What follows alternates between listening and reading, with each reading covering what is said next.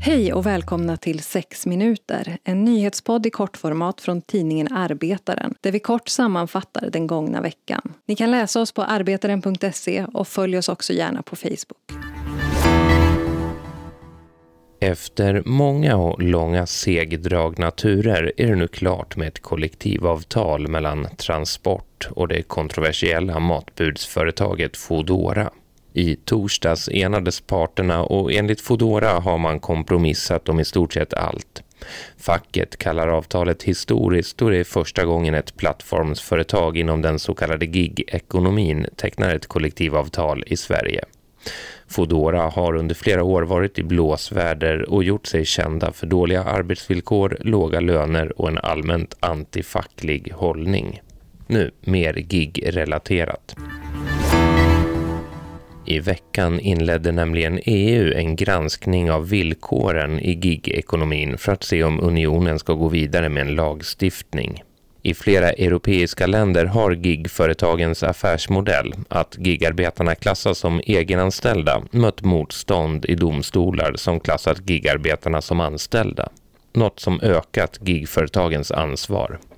Men det omtvistade företaget Uber mobiliserar nu för en lagstiftning liknande proposition 22 som i höstas röstades igenom i Kalifornien och som slår fast att förarna ska betraktas som egenföretagare.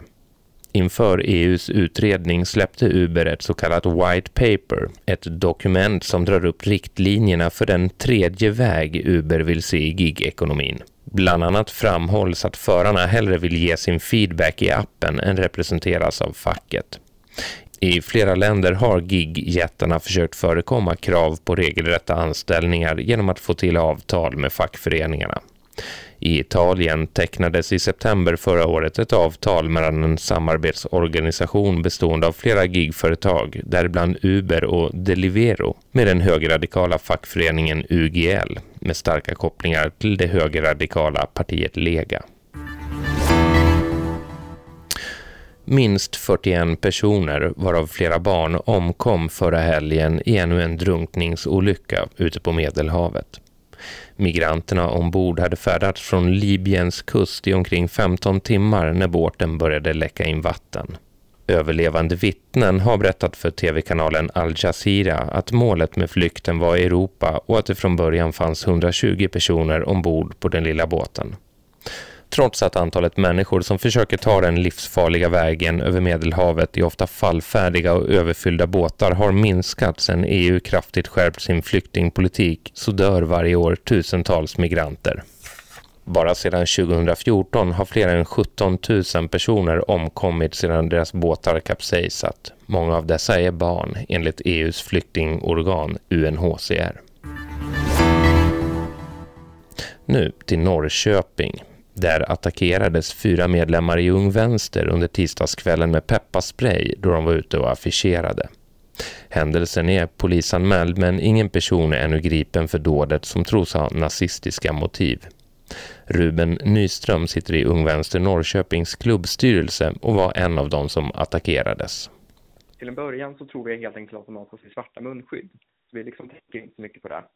Men de eh, går fram till oss och då vi börjar liksom inse att nu är det någonting ut på gång. Och sen så ropar de något åt oss. Vi uppfattar inte exakt vad. Vi tror att det de ropade var jävla rödingar, men vi är inte riktigt säkra.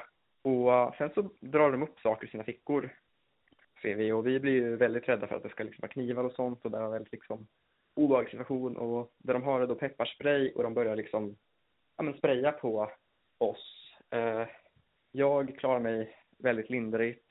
Eh, två blir lite så här halvt påverkade men eh, får inte ögonen och sen så en eh, fjärde blir då träffad direkt i ögonen på nära håll. Det säger alltså Ruben Nyström från Ung Vänster. Arbetaren har tidigare rapporterat om hur den militanta men alltmer splittrade nazistsekten Nordiska motståndsrörelsen genomfört flera aktioner i Norrköping det senaste året. Läs mer om händelsen på arbetaren.se. Det här var veckans sex minuter där sista ordet den här gången utgår på grund av sjukdom.